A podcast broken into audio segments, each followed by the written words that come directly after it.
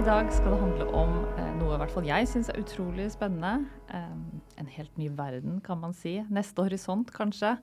Eh, nemlig digital moteskaping og verdensbygging i metaverset, f.eks.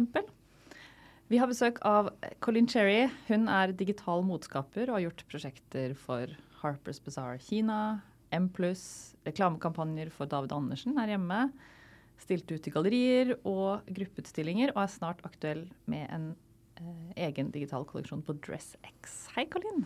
Hallo. Takk for at du ville komme. Selvfølgelig. Det er, det er veldig gøy å være her. Og jeg er veldig stor fan av podden. så gøy. Jeg har ventet på en sånn pod så lenge. Så da jeg fikk invitasjonen, så kan jeg ikke si nei til det. Vi er veldig glad for at du ville være med òg. Du er jo in demand. Når jeg har snakket med deg, så var du midt i undervisning her om dagen, og du kommer nå rett fra et foredrag hvor du snakket om AI. Um, nei, jeg snakker egentlig om trender innen um, AI, men teknologi generelt. Uh, hvordan uh, den virtuelle og den fysiske verden blir mer og mer vevd sammen til en, en, måte, en helhet, istedenfor at vi er på en måte separate fra det hele. Så blir det på en måte mer um, tailored til våre hverdagslige liv og en type en assistent, en personlig assistent for oss, da. Um, altså Kort fortalt, egentlig, så handler det om det digital eh, aspektet av tech og den virkelige verden som blir mer og mer sammensatt. da. Så the, the physical and digital? Ja, nemlig. Yeah. Ikke sant? Det er noe vi allerede er vant med, ikke sant? med filtre på Instagram og eh, Snapchat. At liksom vi har egentlig vant med å bruke det til hverdag. Eller en iPhone i seg selv, kanskje? Ja, exactly. I sånn consumer tech i det hele tatt. Men nå blir det da mer eh, Det blir mer brukt i hvordan vi driver med Hvordan vi handler, f.eks på nett at uh, istedenfor at du kjøper en leppestift som du er usikker på passer deg, kan du heller legge inn et bilde av deg selv. Så kan du se hvordan du ser ut med den leppestiften, f.eks. Eller at du har lyst på en filler eller en Botox-behandling, men du er usikker hvordan du kommer til å se ut. Så kan, da, så kan det visualisere til deg da, hvordan det vil bli ja. etter første uke, andre uke, tredje uke. Og det er da fint, for da kan du ta riktige valg. ikke sant? Ja, og, og, du snakker om tidligere, altså du snakket om eh, det veves inn i livene våre og liksom tailored. Og på en eller annen måte er det fascinerende hvordan et sånt, det språket er litt sånn tekstilt. Og mote har kanskje vært en industri som har vært litt sånn, og beauty, perfekt for dette her. I hvert fall i litt sånn tidlige steg fordi man kan se altså så tydelig liksom, nyhetsverdien, men også hva, hva som faktisk er av muligheter. da. Mm, nei, absolutt. Så altså, det har jo også tatt veldig lang tid for mote, egentlig spesielt, ta i bruk disse verktøyene på en seriøs måte, kanskje. Fordi det kanskje har blitt sett ned på at det er sånn useriøst. For jeg føler at mote kan ta seg selv veldig høytidelig av og til. Så det er høy terskel for å prøve nye ting.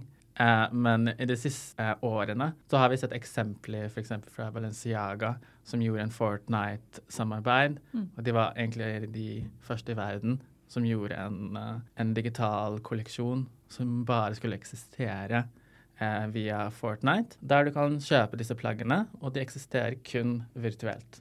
Ikke sant.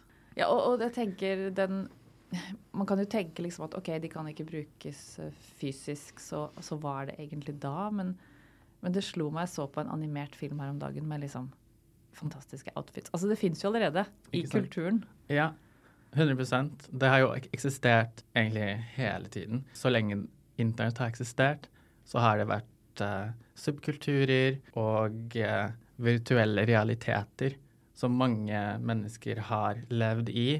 F.eks. Second Life, som er en, en, lignende plattform som Sims.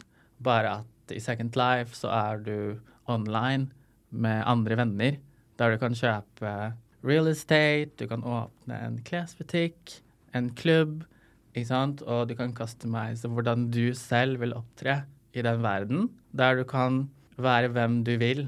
Og der har mote og customization og skins, som vi har kjent med, hatt en veldig stor rolle.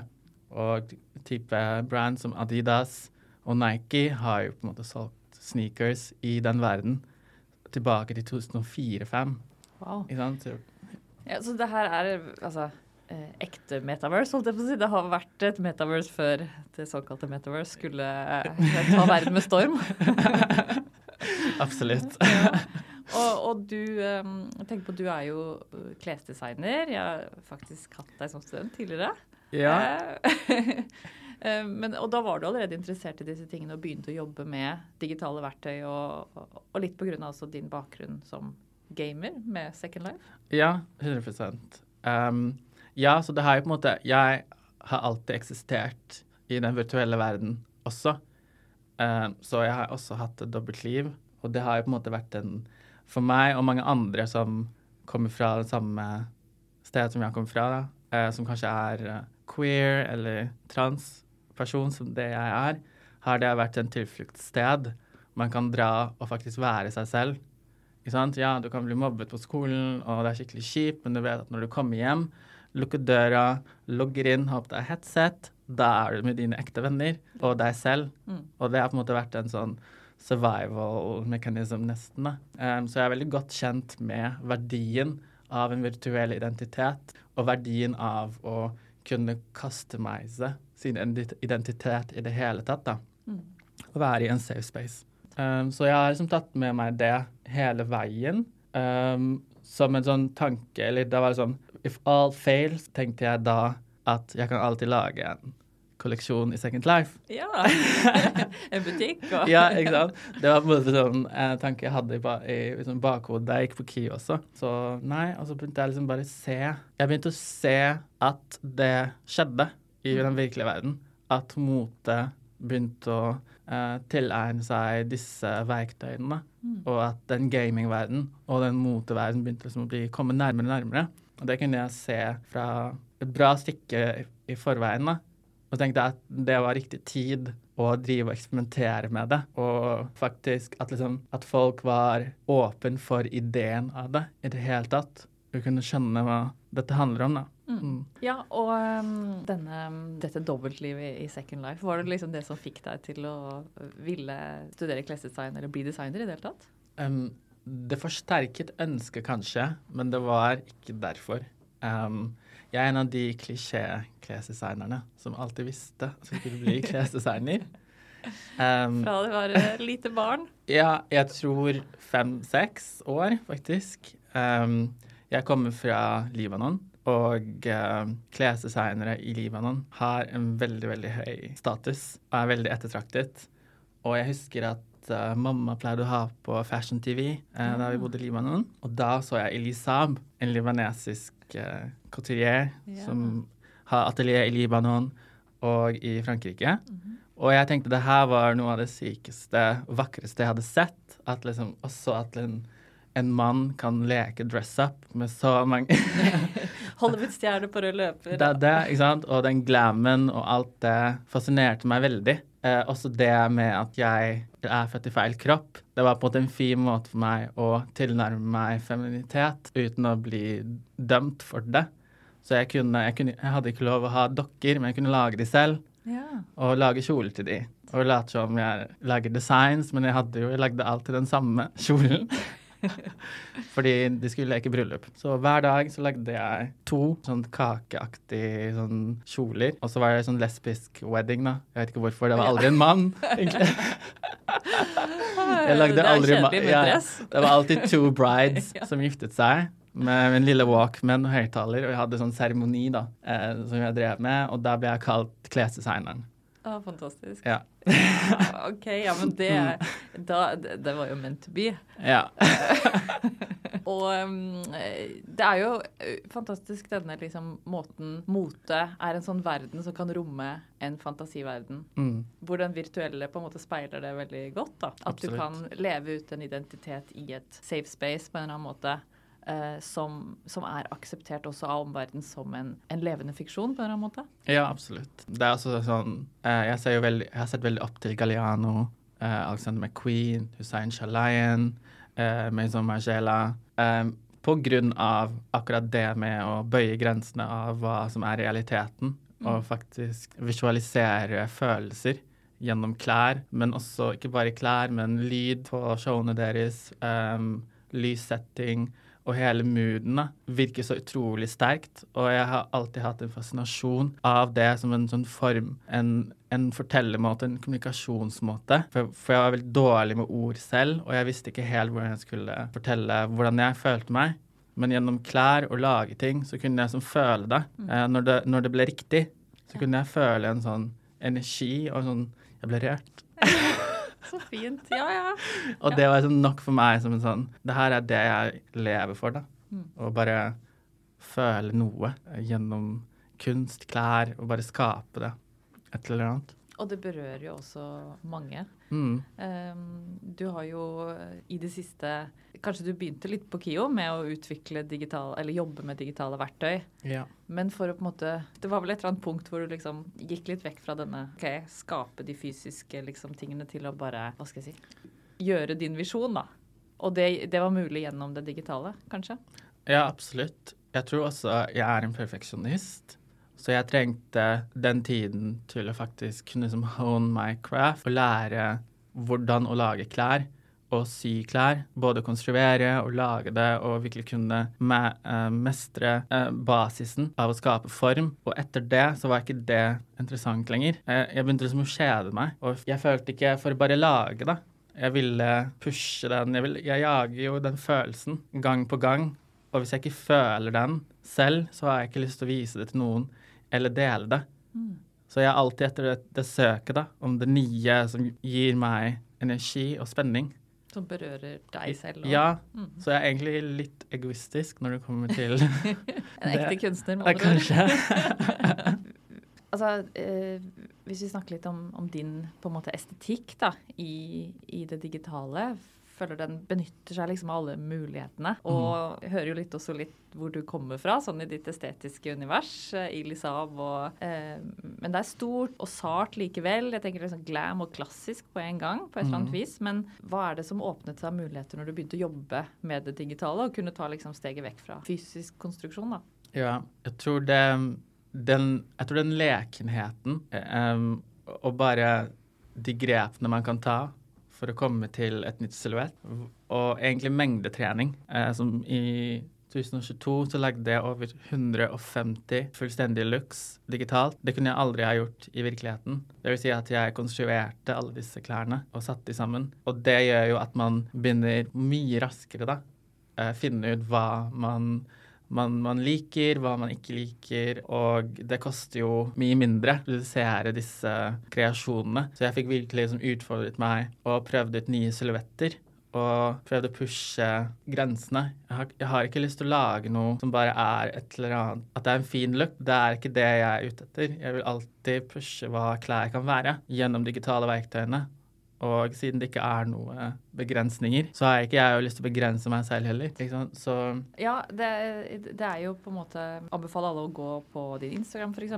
og se på, se på kreasjonene dine. Det er, det er, jo ofte digitale som på en måte si, Det har gripearmer nesten, eller det eh, klistrer seg til kroppen kroppen, eller mm. det har på en måte en ekspanserende effekt. Altså det har masse sånne For det er vanskelig å beskrive med liksom et sånt vanlig subtilt språk på en eller annen måte. Det pusher jo og overskrider liksom fysiske lover, og det er jo eh, noe av ja, appellen, vil jeg tro. Ja, absolutt. Nei, altså noe av det beste jeg vet i den virtuelle eh, plattformen som jeg jobber i, er å sette opp fire vifter og bare blåse Eh, the F ut av de klærne og se hva som skjer. Ja. Ikke sant? Og bare leke med det og se om det er noe som tilfeldig som oppstår. Um, som jeg kan synes er interessant. Uh, som type, nesten type underholdning eller en sånn privat show. Uh, type, så ja, jeg har liksom brukt det også aktivt hele tiden på å liksom utfordre silhuettene mine. Mm. Bruke tilfeldigheter i, i den simulasjonen. Uh, og jeg er utrolig stor um, beundrer av couture, uh, fransk couture, og har drevet med broderi, f.eks. Uh, tambur, luneville-broderi selv, og driver med det hjemme i tillegg til den digitale um, jeg gjør. Så jeg har på en måte den balansen mellom, mellom det fysiske som jeg elsker å, å, gjøre og så bare transformere det inn og ødelegge grensen ja. i den digitale uh, verden. Uh, mellom, gjennom koding og simulasjoner. Så jeg mister på en måte kontroll over det og herper det litt. Så liksom du, det er på en måte en sånn en type At det er en sånn Det er en prosess hvor jeg basically I kill my darlings når det kommer til det jeg elsker i virkeligheten, og de couture-kjolene, den overdådigheten. Og så prøve å maksimere det og ødelegge det. Og noen ganger så tar jeg to forskjellige kjoler og bare tar det fra hverandre og lager en helt ny ting ut av det, som i virkeligheten aldri kunne liksom fungert. Men for et bilde, som en moteillustrasjon, så fungerer det for et øyeblikk. Mm. Og det er nok. Og ja, som du nevner, det derre coutureaktige, veldig intrikate er jo noe som er eh, veldig synlig i det du gjør, og som er eh, veldig fascinerende å se. Behandlet digitalt. Jeg har ikke tenkt på det som du sier, at liksom blir at du gjør stresstester det, eller du liksom eh, kaster ting på det, og så, og så, får det ja, bli noe annet. Det, det minner meg altså litt om eh, litt sånn historien, for å dra noen sånne store linjer, da. Eh, det veves jo så poetisk sammen i det du snakker om her. Men, eh, men denne, dette møtet mellom eh, teknologi, kultur Vi har på en måte historien om Ada Lovelace, kvinnelig matematiker, som skrev den første algoritmen basert mm. på sjakardveven, som jobbet med et hullkortsystem likt det vi kjenner fra gamle datamaskiner. Også hvordan på en måte klesindustri har vært i sentrum av veldig mye Eh, innovasjon, altså den industrielle revolusjonen for én ting. Men altså, eh, er det på en måte et Sånn som du snakker om, og, det du jobber med, er jo f.eks. ekstremt bærekraftig, da. Mm. Det har ingen uh, fysiske implikasjoner, holdt jeg på å si, når vi vet hva moteindustrien står for av utslipp osv. Definitivt. Um, det er også noe jeg tenker ofte på at um, som jeg nevnte i stad, at siden jeg gjør det her veldig egoistisk, så kan jeg like godt ha zero waste etter meg også. men ja, det er veldig spennende at Men det, det ser man jo på en måte hele tiden at ja, altså tekstilbransjen og motebransjen er på en måte alltid i, i forgrunnen for store um, hva skal jeg si um, teknologiske fremskritt. Uh, og også er vi de verstingene ja. i tillegg. Ikke sant? Så der, der, ligger det et veldig stort ansvar eh, for alle. Eh, for vi som produserer klær eh, eh, og jobber med det som kunst, eller vi som også kjøper eh, tekstiler. Eh, at det har veldig mye påvirkninger på hvordan planeten vår er på mange forskjellige måter. Og du touchet på den industrielle revolusjonen, som egentlig kanskje noe av det verste som har skjedd for planeten vår, samtidig som har vært det beste for levevilkår. Mm. Um, så det er sånn to sånn dualities mm. som eksisterer her, da. Absolutt. Og, og ja, eh, du nevnte tidligere vi snakket om dette med veven som på en måte en sånn ekstrem tidlig teknologi i seg mm. selv. Altså all slags vev. Ja. Uh, og måten uh, Altså verdensveven, the world wide web, altså. Ikke sant? Ja. det, er, det er en eller annen mening med det her. Um, men, eh, men, hva ser du på en måte som mulighetsrommet framover? Eller hva tenker du om ting du, du, tror på, eller hva som er viktig for deg i, i dette feltet going forward?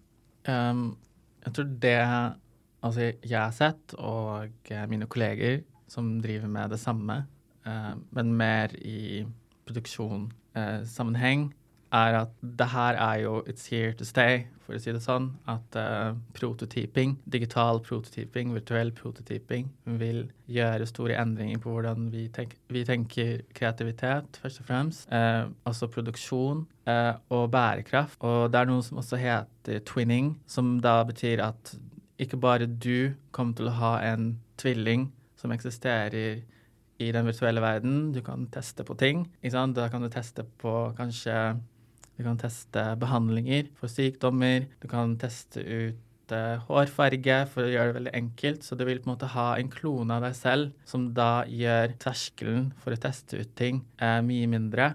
Det samme vil være for uh, hvordan vi er som samfunn. At hele kloner av samfunnet vårt vil da bli en simulasjon i seg selv, der vi tester ut forskjellige strategier for å få et bedre levevilkår for alle.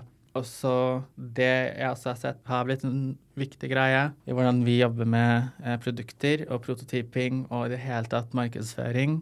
Uh, det her er en god eksempel på um, Estelauder, som da har digitalisert hele sitt produksjon av liksom, hvordan de tenker uh, produktutvikling. Deres produktlinjer, ingredienser, har de alt digitalisert. I tillegg hvordan de jobber med uh, markedsføring, så har de laget en, en kunstig intelligens-algoritme som da skaper nye produkter og markedsføringsstrategier ut ifra deres legacy, da. Mm. Så AI, eller kunstig intelligens, har liksom blitt en egen sånn person da, som man rådfører seg med, og ikke bare er som en sånn fattig begrep. Så det, er, det, blir, det, blir, mer og mer tatt seriøst da, som en sånn ekte tilfører, like en contributor, Mm. og ikke bare en, et verktøy i seg selv. Mm. Hvis det gir mening. Ja, ja, absolutt. Um, hva tenker du i forhold til uh, Altså, det er jo mange hva skal jeg si, skremselsscenarioer også rundt dette med AI, da. Um, men én ting som, som, som allerede kanskje kan eksistere, dette med copyright eller det med design, altså hva, hva, er det i forhold til AI? Er det sånn at en AI kan designe noe? Fordi jeg tenker en designutdanning handler om liksom skills. Mhm. Det handler om å få referanser, trening, mengdetrening osv. Kunne ikke en AI også blitt en god designer, på en måte? Absolutt. Og AI er en god designer. ja, ikke sant. Ikke sant? Um, og det, det, det blir jo allerede brukt i en kreativ prosess i designhusene, uh, som gir fullstendig mening, fordi design um, veldig ofte er self-referential, så det er som en sånn bølge eller en sirkel da, som blir som alltid tilbake til um, referanser som fra tidligere, akkurat som Y2K og 90-tallet. og vi går som i sirkel og sirkel, sirkel. Hvorfor skal ikke AI kunne gjøre det? Det virker veldig copy-paste, Mm. ikke sant? Men det gjør ikke, det, det gjør ikke nødvendigvis en bra mote ut, eller klær nødvendigvis ut av det. Nei. Det er noe liksom menneskelig, da. Eh, den menneskelige touchen som kanskje endrer eh, et uttrykk av og til. Og det tror jeg vi alltid kommer til å trenge i en, en type designprosess. Så jeg tror heller at man skal tenke på seg selv som en sånn art director heller, og bruke de verktøyene for hva de er. Ikke sant? Det sparer deg for tid, eh, krefter, sånne Mm. ting. Jeg har jo brukt eh, Jeg har jo tillatt mine studenter bruke AI. Vi hadde en, eh, en veskeoppgave der de skulle velge en kolleksjon fra de siste to årene fra en kjent merke. Så skulle de lage en extension og lage en veskekolleksjon ut fra den kolleksjonen.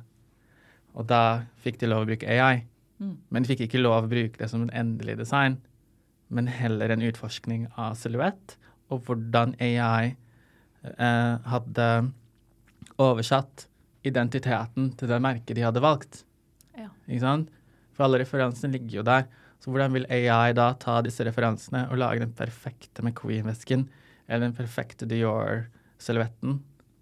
Og det klarer den. Det klarer den veldig godt. Ja. Mm. Så sånne creative director som skal liksom eh, revitalisere et brand, de trenger man egentlig ikke lenger. Nei da. Men eh, kunne man eh, se for seg å være på en måte åpen om det? At, at AI er en uh, director i seg selv, eller i samspill med en annen, og så kanskje det hadde fått et uttrykk som eh, opplevdes som innovativt og unikt? Jeg vet ikke. Jeg tenker Det er egentlig en veldig god idé. Ja. Og jeg er overrasket at uh, f.eks. Balenciaga ikke har klovnet oss med en sånn kolleksjon allerede. Ja, ikke sant, ikke sant? Kanskje de har det uten å si det. Men, det er eh, det. Men det var en god idé. Jeg tror også jo mer vi utvikler AI-en, jo mer vil den da kunne ta disse valgene. Eh, og som, som eh, Estelåder-eksempelet, at hvis den får alle disse dataene og analysene fra et eksisterende brand, eller et brand du har lyst til å sammenligne eller konkurrere imot, så ser ikke jeg problemet på hvorfor det ikke skal gå. Eh, men det har seg sånn at design, eller å drive en klesmerke, er jo kanskje veldig lite design. Og Ja. mest mulig business. Det oppdager man etter man er ferdig på eh, designskolen. Ja. Um, nei, absolutt. Og, og, men du nevnte også dette, eller disse digitale verktøyene du bruker. Og et um, verktøy jeg har hørt nevnt veldig mye de siste årene, er jo dette Klo. ja. 3D. Mm. Uh, og her snakkes det om på en måte, ja, som du nevnte i stad, prototyping uten samples, uten å sende. For i vanlig klesindustri så Mm. sender man fysiske da vareprøver fram og tilbake Ja. mellom fabrikk i et annet land og så x antall ganger. Altså det er jo en enormt uh, Snakk Ja. om at et, en person ikke skal fly, og så er det et plagg som da flyr seks turer fram og tilbake bare for å få riktig fit, liksom. 100 og, og ikke bare det, at liksom man får disse prøvene. Det er veldig mye misforståelser som foregår i hvordan man kommuniserer. Um, kanskje man har tegnet en rar tegning som før, eller ikke før, man gjør det egentlig fortsatt veldig mye. Mm. Det at man tegner flats i f.eks. Illustrator Adobe-program.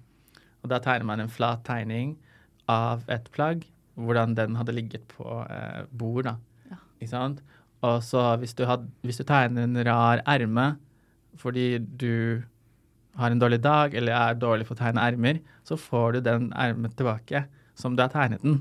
Ikke sant? Så det er det, det å kunne, kommunisere klær i tredimensjonalitet istedenfor at det er flate tegninger og abstrakte mål, kanskje, for noen, er jo en mye bedre alternativ. Også nå som Klo 3D har kommet med en sånn elastic, sånn squishy modell, da kan man også eh, begynne å teste ut lingerie, f.eks., og ting som er mer tettsittende. Og da kan man gjennom grafer og simulasjoner se stresspunktene i klærne.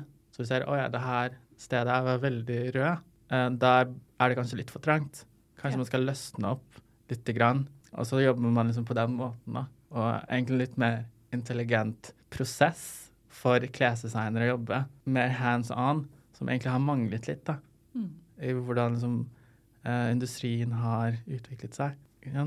Ja, for dere jobber helst eh, ikke sant, tredimensjonalt, eller ved å tegne sånn dere ser plagget for dere i holdt jeg på å si, virkeligheten. Mm.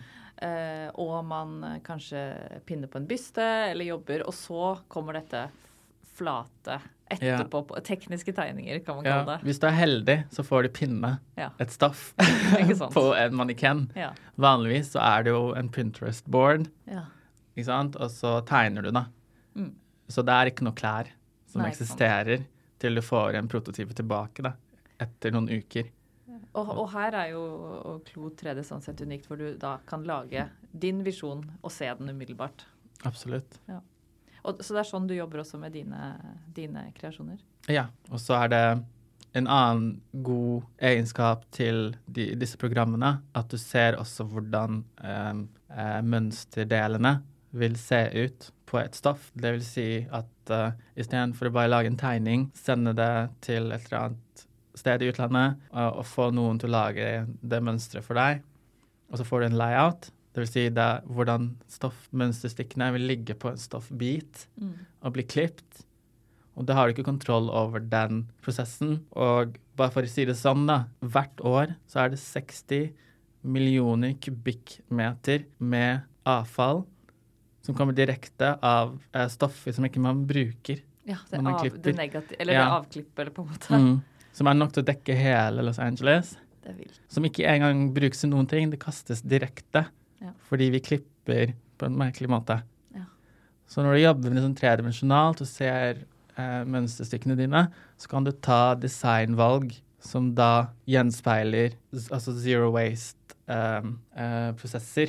som gjør at liksom, du får mindre um, bortkasta ressurser, da. Ja, for dette er den praktiske siden ved Ja. digital mote, holdt jeg på å si. Mm. Eh, hvordan man faktisk kan eh, minimere waste, hvordan man kan effektivisere. Ja. Um, så, så det er ingen tvil om at det digitale har en helt reell fysisk side, og, og, og fordel, ikke minst. Absolutt. Um, jeg tenker I forhold til hva du jobber med, har du noe ønske om å gjøre det fysisk? Altså, jeg har alltid noe fysisk til siden. Så det, det er en sånn, en sånn splittet personlighet hvor hvis jeg er for mye på PC-en, så må jeg lage noe, og versa. Men det har også gitt meg mulighet til å prøve andre, andre ting, som eksempel, ja, som jeg sa i stad, at broderi, fransk broderi, har jeg fått gjøre. Eh, som ikke nødvendigvis er å lage klær, men at man, det er et håndverk i seg selv. Eh, lage chainmail, eh, smykker, ikke sant, sånn rustning Mm. i metall Ja. og hekle tusenvis av perler inni garn og sånne ting. Jeg ser du har på deg både en hekletopp og sånn Ja. så jeg regner med at det er Det er laget. Oh, wow. Fantastisk. Så jeg har jo den jeg, har, jeg vil alltid ha den trangen til å skape. Eh, men det er på en måte det er blitt sånn to eh, behov, da. Jeg vil gå i det maksimale og teste ut helt crazy ting. Men jeg vil også gå tilbake til røttene og lære nye eh, teknikker. Og jeg håper at en dag at jeg kan um, gjøre begge deler. Og um, egentlig mitt største drøm er en sånn lab Mm. der liksom man kan egentlig bare eksperimentere med ting. Ikke sant? Bare for å eksperimentere. Ja. Altså, jeg ser jo for meg disse um, ja, chainsene som du har på deg, da. For eksempel eh, vi, vi snakket eh, litt i forkant også om, om dette med denne lovnaden om liksom wearables som skulle Ja. komme. Som, som aldri helt eh, Eller Mm. det har kanskje kommet, uh, som jeg nevnte tidligere, altså Apple Watch eller men, men hvor på en måte um, kanskje softwaren ikke helt henger med uh, altså de fysiske objektene ennå, da. Mm. Men, men har du tro på det? Dette at det digitale på en måte tar plass på kroppen? At du får en sånn fysisk manifestasjon sånn sett? Ja, jeg tror, jeg tror kanskje ikke det er det mest crazy tingen å tenke at det kommer til å skje. Um, var ikke det at um, det er kommet til sånn ny pin, AI-pin, okay. um, som da ikke er en telefon og ikke er en uh, smartwatch, men bare en sånn type um, Ja, en assistent, nesten, som du kan ha på klærne dine. Uh, jeg tror det var Naomi som hadde på den pinnen da, okay. i en motevisning ikke så lenge siden. Uh, og da er det den pinnen da, som du kan snakke til, så den svarer når du snakker til den. Men den er inaktiv når du ikke snakker til den. Det vil si at den er ikke på hele tiden og uh, hører litt etter, f.eks. Og den vil oversette. Eksempel hvis du har en samtale med noen på et annet språk, så vil den um, automatisk gjenkjenne språket og oversette til deg, og så vil den oversette det du sier tilbake den personen du har en samtale med, uh, på en mer seamless måte, da. Så jeg tror kanskje liksom at hvis det kommer en noe som gjør det enklere i forhold til brukervennlighet, så tror jeg at det er mer realistisk enn at noe som hemmer deg, som f.eks. Uh, Apple Vision, Ja, ikke sant? ikke sant? som vil da kreve uh, noe av forbrukeren da, når du har den på. Så det blir liksom vanskelig å bli vant til en så, så stor forandring. Ja. Nei, helt klart. Og apropos Apple Vision, du har jo ja. jobbet en del i VR også. Ja. Med eh, egentlig interaktive opplevelser Mm. for publikum. Ja. VR er jo kanskje en, en space som også Ja, den, den er der, og den er aktiv, men kanskje ikke så aktiv ennå som vi skulle tro for en. Eller jeg vet ikke. Mm. Du, hva er din opplevelse sånn sett? Har du fortsatt tro på VR? Um, jeg har tro på VR, uh, men kanskje ikke for oss som, som ikke vil være i VR. Mener. Eh, men jeg har jo vært i, i Metaverse og prøvd ut forskjellige spill, f.eks. I, i VR, og jeg opplever at det er for de unge, da. Ja. Um, så jeg tror kanskje at når den unge generasjonen får lov å vokse med den teknologien, så vil det være mer aktuell eh, og mer naturlig ting som er implementert. Men jeg tror for oss som kanskje både har fått lov å være ute i naturen og fått PC senere, millennials Ja, ja. Jeg tror ikke vi kommer til å synes det er veldig sånn, naturlig ting å, å drive med til hverdag. Nei. Selv om det er veldig gøy å spille Beat Saver. Hvis jeg har hørt om det. Du har to sverder, som i Star Wars. Så må du slå sånne eh, grafikk som går mot deg, til Lady Gaga f.eks. Oh, wow. Sånn type okay. trening. Mhm. Eh, Veldig bra. Nei, men eh, det er jo åpenbart eh, uendelig med muligheter. eh, Det høres jo veldig bra ut. Men sånn som de som du snakker om, da, de unge neste generasjon, Mm. som jeg, jeg ser det jo selv på, på dem, hvordan dette med skins, og det er sånn de kanskje er introdusert til ulike merkevarer i utgangspunktet. Mm. Uh, dette med å, å spille, gamifye en shoppingopplevelse. Ja. At det handler ikke om på en måte har du nok penger, men, men kan du dette spillet? Er du god til å spille, liksom? Har du lagt inn de timene? Um, og, og, og for dem så er jo det, det med digitale klær er ikke en sånn fiksjon, men det er bare det er en del av deres realitet allerede. ja, ja, og det er en For dem er det en vintage Chanel-veske, liksom. Fordi det er veldig mye pragd og status i noen av disse armorsene som man kan få i den virtuelle verden. Eh, så jeg tror også sånn luksusvarer vil ha en litt annen betydning. Eh, det er mer sånn, ja, det er mer fortjent enn en sånn overflødighet som man går og smykker seg med. Og du kan jo potensielt vise deg fram til veldig mange flere mennesker enn ved å gå i et fysisk eh, Eller ha et, et luksusobjekt på deg. Absolutt, ja. Jeg poster det kanskje på sosiale medier, men likevel. Der kan man jo også gjøre ting digitalt. Ja, hvis man tenker på det på den måten, så i prinsippet kunne jo mye av moten allerede vært digital. Altså la oss si Comme Garçons eller Alexander McQueen. Det det er kanskje ikke så mange som har sett det i levende livet? Ja, det er et veldig godt poeng, fordi det er jo Altså, luksus er jo ikke tilgjengelig, men gjennom sosiale medier og YouTube og liksom hele den de plattformene, så har det blitt veldig demokratisert. Så jeg tenker at ja, det eksisterer jo sånn allerede. Jeg tror det bare handler om hvordan vi oppfatter det.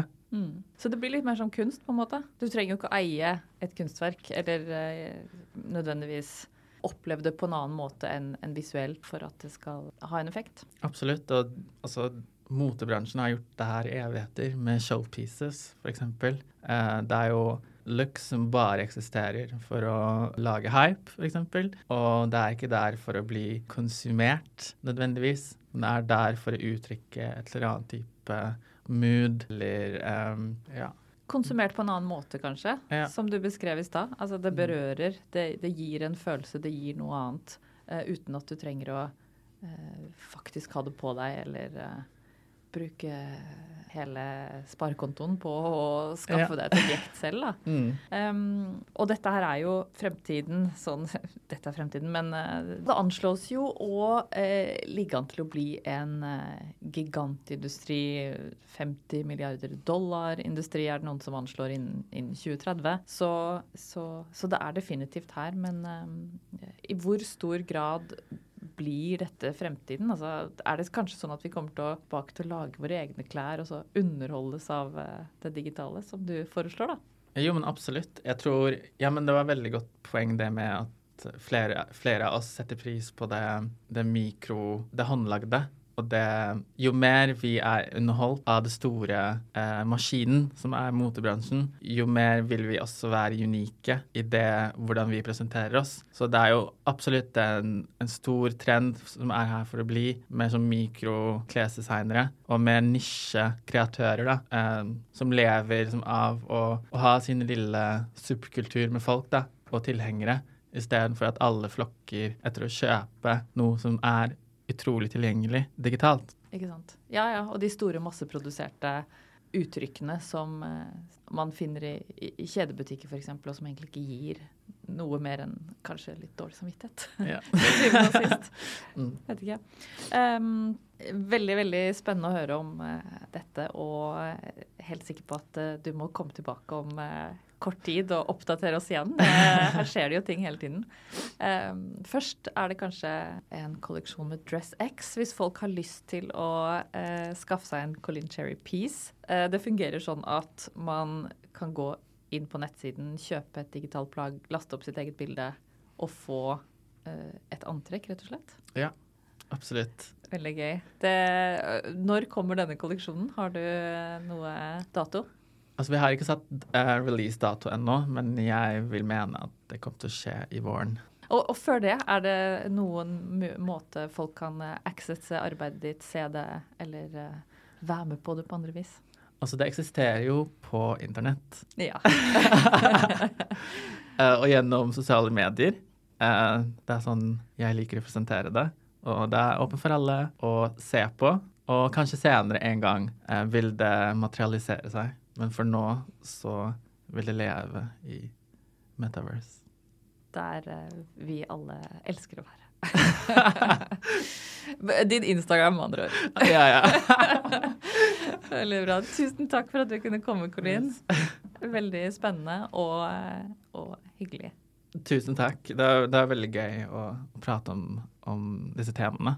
Og, og, og jeg, stor takk for deg òg, for det har vært en inspirasjon for meg altså som student. Jeg husker fortsatt der du kom på skolen med den grønne eh, two-piece-suiten og skulle snakke om power suit. Bare, hvem er dette? Hun er kul. Så ja, tusen takk for det. Nei, det var, eh, det var, veldig veldig gøy å ha dere som studenter, og jeg husker deg veldig godt. Og det mm, er ja, ingenting gleder meg mer enn å se folk slå ut i full blomst og gjøre, gjøre greia si. Så veldig spent på å følge deg videre. Vi høres. Ha det.